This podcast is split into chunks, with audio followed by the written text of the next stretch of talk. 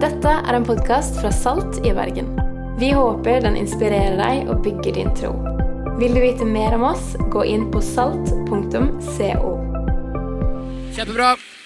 Helt, helt nydelig. Hei, folkens. Sett dere ned. Går det bra med dere? Går det fint? Så bra. Det går bra med meg også. Takk som spør. Mitt navn er Eivind Galdal, og jeg er 22 år. Så uh, utrolig stas å få lov til å dele de neste minuttene med dere. Veldig takknemlig til Øystein, Sigurd og Daniel som gir meg muligheten til det. Det er uh, en, en, stor ære, og jeg skal forvalte den etter beste, beste evne. Og så er det litt passende da, kanskje, at en 22-åring får lov til å, å, dele noen ord nå. For det ser jo litt annerledes ut å følge Jesus det har vi allerede sagt, i de ulike livsfasene. Og det ser litt annerledes ut å, å følge Jesus når man er 22 og når man er Hakket eldre, i hvert fall. Gjør det ikke det? Det må være lov å si. det må være lov å si. Så Vi har jo en illustrasjon kommer inn her på, på den røde tråden som vi snakker om. At, uh, at, det å følge Jesus er liksom ikke en sånn ungdomsaktivitet. Og Det er heller ikke en, en sånn selvhjelpsmanual i en etableringsfase. Det er en, en livslang tråd som strekker seg utover hele livet. Og så har vi illustrert det med noen ulike sekker. Jeg er jo litt kritisk da, til, til valget av sekker. For det, skal, det, her skal være en ungdomssekk, folkens. Um, hvor, jeg, jeg, vet jo ikke hvem som har valgt det, men det er i hvert fall ikke en ungdom. Men det er i hvert fall ulike sekker for å illustrere at det ser litt ulikt ut. Og så er jo historiene litt annerledes òg, er det ikke det? Her snakker Henrikke om en flott uh, oppvekst i en kristen familie. Men sannheten er at mange kommer her og har ikke det i det hele tatt. Og jeg tenker at Vi må anerkjenne det med eneste gang, at det, det ser litt ulikt ut. Historien er annerledes, og, og det vil jeg at du skal være trygg på at det er greit. Du trenger ikke komme her og være oppvokst i en kristen familie. Her kan du komme akkurat som du er, og den røde tråden former seg ulikt i de ulike livene. Og så ser dere da at jeg har med meg en eh, aldri så liten heliumsballong. Som jeg skal introdusere for dere snart. For noe av poenget til det jeg har lyst til å, å snakke med dere om i dag, er at det, at, at, at, I enhver reise så har du kanskje med deg en sekk. Jeg pleier å ha med meg en sekk i hvert fall når jeg, når jeg drar på reise. Og så er det et eller annet med at det vi tar med oss i sekken, det har en tendens til å sette tonen litt for hvordan reisen blir. har det ikke det? Og kanskje også for om vi i det hele tatt kommer i mål. Og trosreisen er en fryktelig lang reise. Og i dag har jeg lyst til å spørre spørsmålet Har du pakket godt for reisen. Er det greit? Så bra. Så den heliumsballongen her, da, det kan jo bli interessant om jeg får den løs. Det er jo eh, en av mine store gleder i hverdagen. Det er helium. Jeg syns vi bruker helium altfor lite. Fordi det er veldig sjelden kjedelig i nærheten av helium. er Det ikke det? Det er veldig sjelden du er i en vanlig situasjon, og så legger du til et helium. Da blir det som regel litt gøyere. Synes i hvert fall jeg. Og Spesielt når helium kommer i kontakt med lungene. Og Jeg hadde egentlig veldig lyst til å ta med Jeg har egentlig en heliumstank der ute. Jeg hadde lyst til å ta med inn og, og kjøle litt heliumstemme, men jeg fikk ikke lov av noen. Så jeg skal ikke gjøre det. Men men jeg hadde veldig lyst til det. Anyways, Helium er fryktelig fryktelig gøy. Men så kan det ikke bare, det er ikke alltid masse masse glede knytta til helium. Det kan også være roten til den største sorgen du kan se. For har du noen gang sett et barn miste sin kjære heliumsballong? Det er fryktelig trist. Right? De blir jo helt knust. Og så er det sånn at Du kan se det på så lang avstand. Jeg kan, jeg kan, stå et sted i Bergen så kan jeg se på andre siden mange kilometer borte. Så ser du på 17. mai at det er en ballong på vei opp til himmelen. Og du vet at det er et lite barn som gråter sine kjære tårer pga. den stakkars heliumsballongen. Det er jo fullstendig krise. Så du ser jo på 17. mai, da, den eneste dagen vi bruker denne fantastiske oppfinnelsen, som egentlig også er litt sånn trist, er det ikke det? For, for å, jeg, jeg, Nå er det digresjon her, men jeg må dele det. For, bli med på det her. Jeg er, jeg er litt nerd. Så helium er jo eh, et grunnstoff, er det ikke det? Jeg tror det er nummer to. Helium er nummer to grunnstoff. Og Som en troende mann så tenker jeg at det betyr at Gud har skapt helium. Det er et grunnstoff. det er liksom noen av grunngreiene. Så når Gud skapte helium, visste han at vi kom til å bruke helium sånn som vi gjør. For hvis Gud visste at vi kom til å kjøre det i lungene og snakke med sånn heliumstemme, da syns jeg det er en side av Gud vi burde vie litt mer oppmerksomhet. Men det er nå så. Um, anyways, poenget mitt er på 17. mai den ene dagen vi bruker den oppfinnelsen, så, så, så ser du barn eh, og meg som går rundt med dette her, og så tviholder de på tråden. For de vet at det skal ikke så mye til før den plutselig stikker av gårde. Hvis de ser litt bort, hvis ikke de følger godt nok med, så ender den helhetsballongen langt, langt, langt av gårde. Og så er det med litt sånn alvor jeg må si at jeg, jeg i møte med kristne spesielt, i de yngre generasjonene, så merker jeg at mange har litt samme tendens med troen. Vi, vi, tviholder på den fordi vi føler at det er når som helst bare et vindkast, bare et spørsmål, bare en eller annen dårlig fase. Og så forsvinner troen. Det er noen her som kommer hit i kveld og, og vet ikke om de engang tror engang. Det er noen som kjenner at de har trodd lenge, men kanskje ikke så veldig veldig mye lenger. Vi føler at det er så lite som skal til før plutselig troen forsvinner. Og det er, det er, trist å se et barn miste sin kjære heliumsballong på 17. mai. Men det må være desto tristere for en far i himmelen å se at barnet hans mister troen på ham på reisen hjem. Og så tenker jeg, skal, skal det være så skjørt som en heliumsballong, den kristne tro? Og Jeg skal ikke komme med noen mirakelkur eller en fasit, men jeg har lyst til å være ganske frimodig i dag på at jeg har observert en form for fellesnevner av en tro som varer gjennom de ulike fasene. Og Fellesnevneren har jeg ikke bare observert, men jeg har et veldig sterkt behov fra det innerste av mitt hjerte å dele det med dere i kveld. Og det er dette. Og Det er en tro som varer gjennom alle faser. Den utgjøres av mennesker som opplever at ikke bare de bærer troen, men at troen også bærer dem. Jesus skriver i Matteus 11, 29. Kom til meg, alle dere som strever og bærer tunge byrder, og jeg vil gi dere hvile. Ta mitt åk på dere og lær av meg, for jeg er mild og ydmyk av hjerte. Så skal dere finne hvile for deres sjel. For mitt åk er godt, og min byrde lett. Selve essensen av kristen tro er ikke å legge nye byrder til dere allerede har. Nei, nei, nei. Selve essensen av kristen tro er ment til å bære deg gjennom livet. For åket er godt. Det betyr en sekk. Sekken er god å bære, og byrden er lett. Spørsmålet jeg vil stille deg i kveld, er hva bærer du? Og bærer det deg? Jeg er jo egentlig en eh, Optimist. Jeg, jeg, jeg. Og, det, og, det, legger jeg litt sånn stolthet i, for det, det, er kult å være optimist.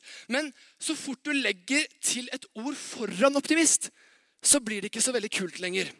Hvis f.eks. vi nevner fenomenet å være tidsoptimist. Det er jeg. Jeg er tidsoptimist.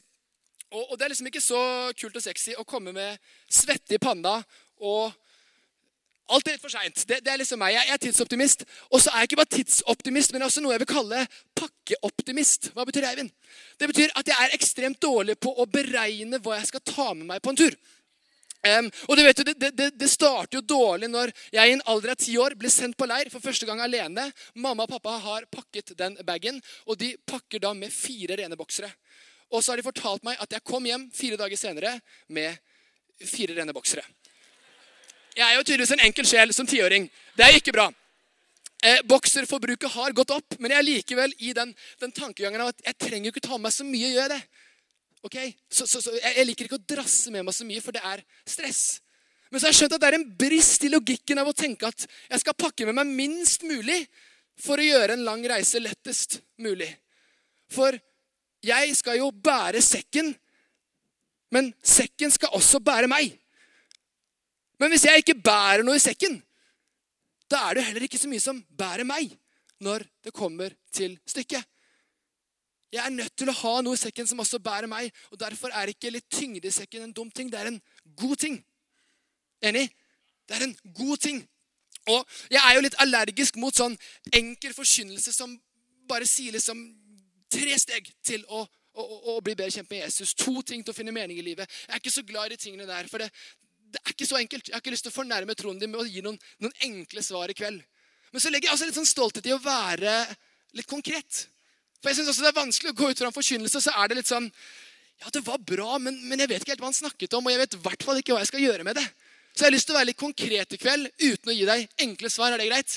Ja, Og jeg har lyst til å løfte opp noen perspektiver som jeg tror er ganske enkle å forstå, men på ingen måte lettvektere når du legger det i sekken. Det er potensial til å, til å slå skikkelig rot i troen din. Og min bønn og min bønn har vært disse dagene at du skal oppleve at noen av disse perspektivene hjelper deg i å gå fra å bare bære troen din, til at troen din også bærer deg. Ok? Så bra. Og jeg, jeg, jeg har mye familie på Sørlandet. På Sørlandet. Det er fint. Eh, og, og sikkert på bibelskole der. Og så har jeg lagt merke til en sånn rar sjargong sørlendinger har. Kanskje du også har det. Og det er en sånn, Hver gang de møter hverandre, så er det liksom Ja vel? Se det. Ikke noe mer. Bare ja vel? Se det. Og så, og, og så, blir jeg litt sånn misunnelig, for det er så fin start. Dere bergensere har litt sånn Halla, hvor det går i? Og, og dere har sånn fin greie. Men, men, men, østlendinger som meg, vi har ikke så mye. Vi kommer, og så blir det bare sånn nikk.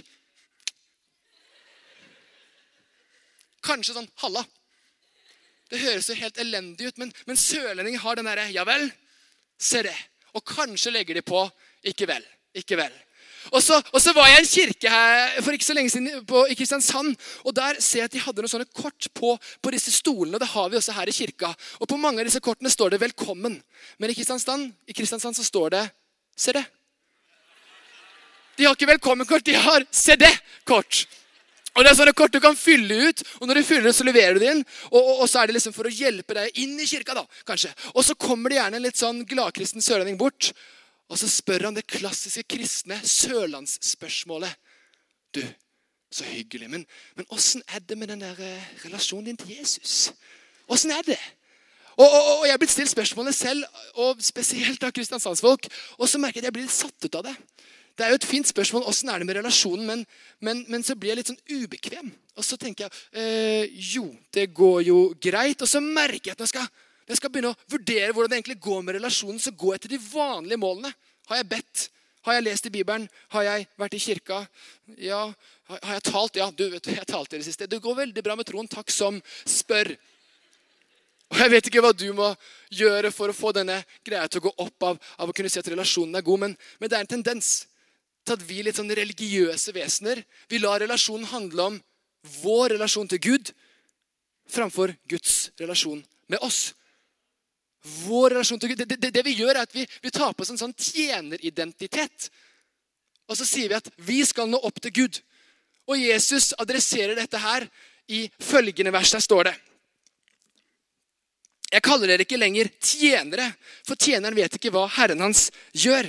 Jeg kaller dere venner, for jeg har gjort kjent for dere alt jeg har hørt av min far.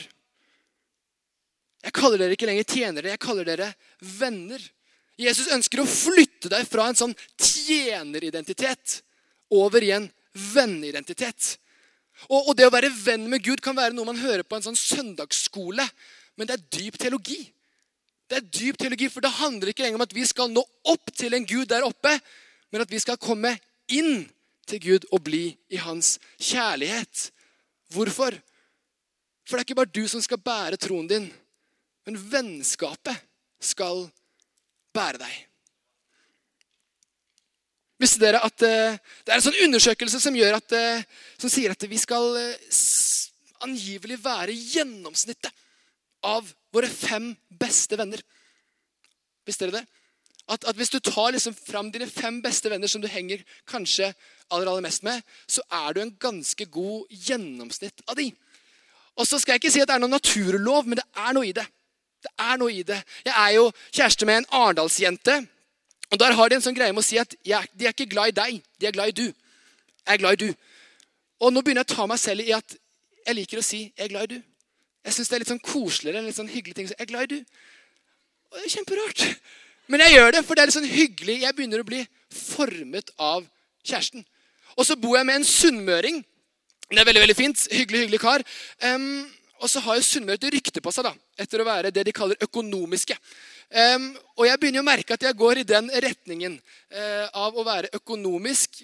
Vi kaller det kanskje noe annet, uh, men la oss kalle det økonomisk. Så leiligheten er jo iskald, og vi, vi fryser i hjel. Men jeg begynner å bli vant til det, og det går egentlig ganske greit. Så jeg syns det er altfor varmt her, for jeg er vant til en sånn iskald leilighet hjemme. Vi skal spare penger for alt hva det er verdt. Vennskap former oss litt. Og jeg tror det er fordi at vennskap ofte har et grunnlag på at vi har for vane å se dem. Og jeg tror det er vanen av å se dem som former oss. Vaner former. Vi er formbare mennesker. Og så tror jeg Paulus har det i mente når han skriver til Roma. Så skriver han og bli, ikke dannet lik denne verden, men bli forvandlet ved fornyelsen av deres sinn, så dere kan prøve hva som er den gode velbehagelige, fullkomne Guds vilje. Visste du det? At vaner dine kan fornye ditt sinn. Og det er Noen som har definert vaner til å være de tingene som gjentar seg i hverdagslivet, bevisst eller ubevisst, som enten bygger opp eller bryter ned. Og Kanskje jeg er alene om det her i rommet, men jeg kjenner at det er ganske mye ubevisste ting i mitt liv som bryter meg ned. Derfor er det uaktuelt for min del å legge fra meg noen gode, bevisste vaner som bygger opp. Og for ikke å snakke om bygger opp troslivet. Ragnhild Manna nevnte noen i stad. Jeg velger å gå på gudstjeneste, for jeg vet at det bygger opp. Jeg velger å gå på smågruppe, for jeg trenger det. Det er, det, det er, lov å være ganske frimodig på å si at jeg trenger disse vanene. Og det er ikke bare vi som skal bære vanene. Vanene bærer også deg. Har du lagt merke til det? Og det er ikke alltid, jeg skal, jeg skal være dønn ærlig. Det er ikke alltid jeg tenker fy søren, i dag blir det sinnssykt fett å komme på gudstjeneste. Det er ikke alltid jeg tenker det. Noen ganger tenker jeg «Mm, nå skulle jeg heller gjort noe annet. Spesielt når det er Premier League på TV. Det er noe så. Men, men, men, men det er et eller annet litt sånn ah, jeg, jeg, kan kjenne på det, og det tror jeg alle kan gjøre. Men så tenker jeg i aller, aller verste fall så får jeg ingenting ut av det. Men det jeg gjør, er at jeg opprettholder en vane som over tid vet jeg er oppbyggelig. I aller, aller verste fall så får jeg ingenting ut av det. Kanskje jeg blir litt våt på vei bort. Men jeg opprettholder en vane som jeg vet er god for meg. Jeg nekter å gi slipp på det fordi jeg vet at jeg trenger det. Kan jeg være litt frimodig med deg? I ditt trosliv du trenger det. Du trenger å komme jevnlig. Du har godt av det. For her er et fellesskap som ønsker å bygge opp og ikke bryte ned. Ja, vi trenger vaner. Vaner former oss.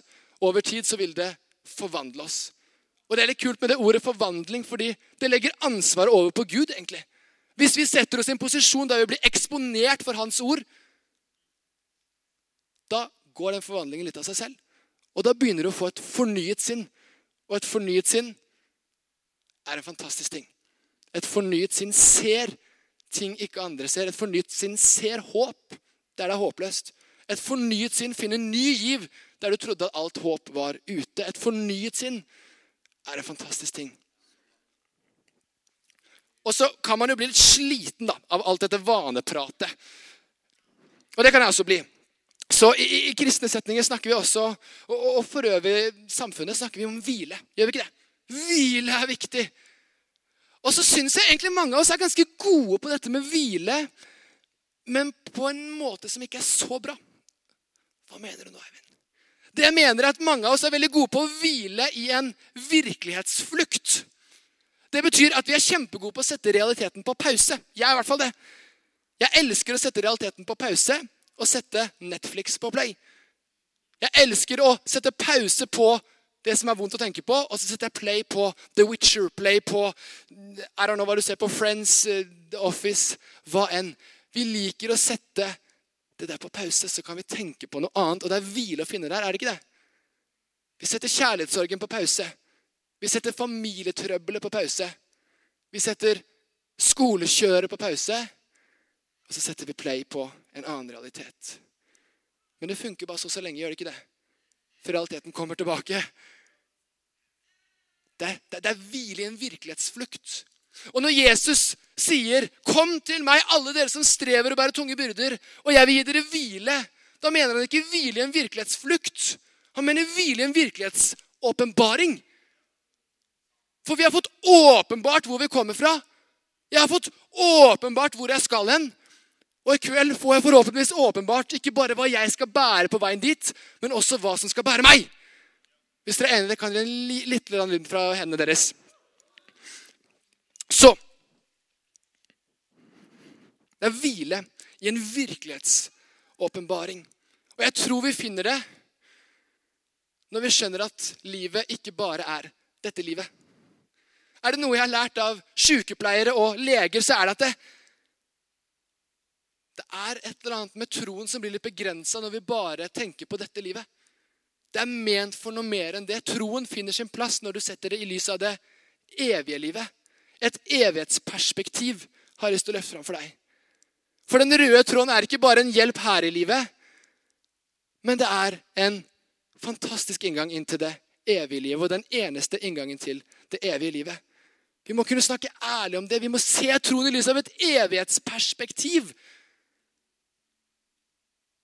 Og så kan det bli så mye kaos her i, i, det vi foretar oss nå, og så glemmer vi at det er faktisk noe bedre der framme. Det er faktisk et eller annet godt som jeg kan vente på. Uansett hvor kjipt det er, så kan jeg hvile i at det er faktisk en evighet jeg er framme. Og det er vanskelig noen ganger å skulle gå helt der og, og tenke seg så langt fram. Men jeg tror det finnes hvile der. Hvile i et evighetsperspektiv. Jesus kom ikke for å komme med et budskap om bare bedre helse. Han kom for å komme et budskap med alle menneskers frelse. Det er budskapet om Jesus Kristus. Og ikke degradere til å være en eller annen selvhjelp gjennom dette livet. Det er mye, mye mer enn det. Det er Guds kraft til alle som tror, å frelse inn i det evige livet. Det er ikke bare du som skal bære troen din. Men hvilen skal bære deg gjennom dette livet. Og denne ballongen Det er treffende, for Det er som om noen her kjenner på at det er så lite som skal til før det bikker over. Før jeg mister det. Hvis ikke vi klarer alle vanene, hvis ikke vi klarer å holde dette vennskapet med Gud varmt, hvis ikke vi klarer å gjøre alt vi skal gjøre, så, så mister vi litt troen på oss selv. Og så er det som at vi føler troen bare blir lenger og lenger unna. Nesten som at troen er på vei fra oss. At den, den, den, den går unna. Jeg blir så lei meg når jeg hører om folk som opplever at troen er så distant fordi ikke de får til det de mener at de må få til for å være flink nok. Og så ble jeg minna på at budskapet som Jesus kom med, er ikke at Gud reiste opp, men at Gud kommer ned. Når du ikke får det til, da reiser han ikke opp. Da kommer han nærmere.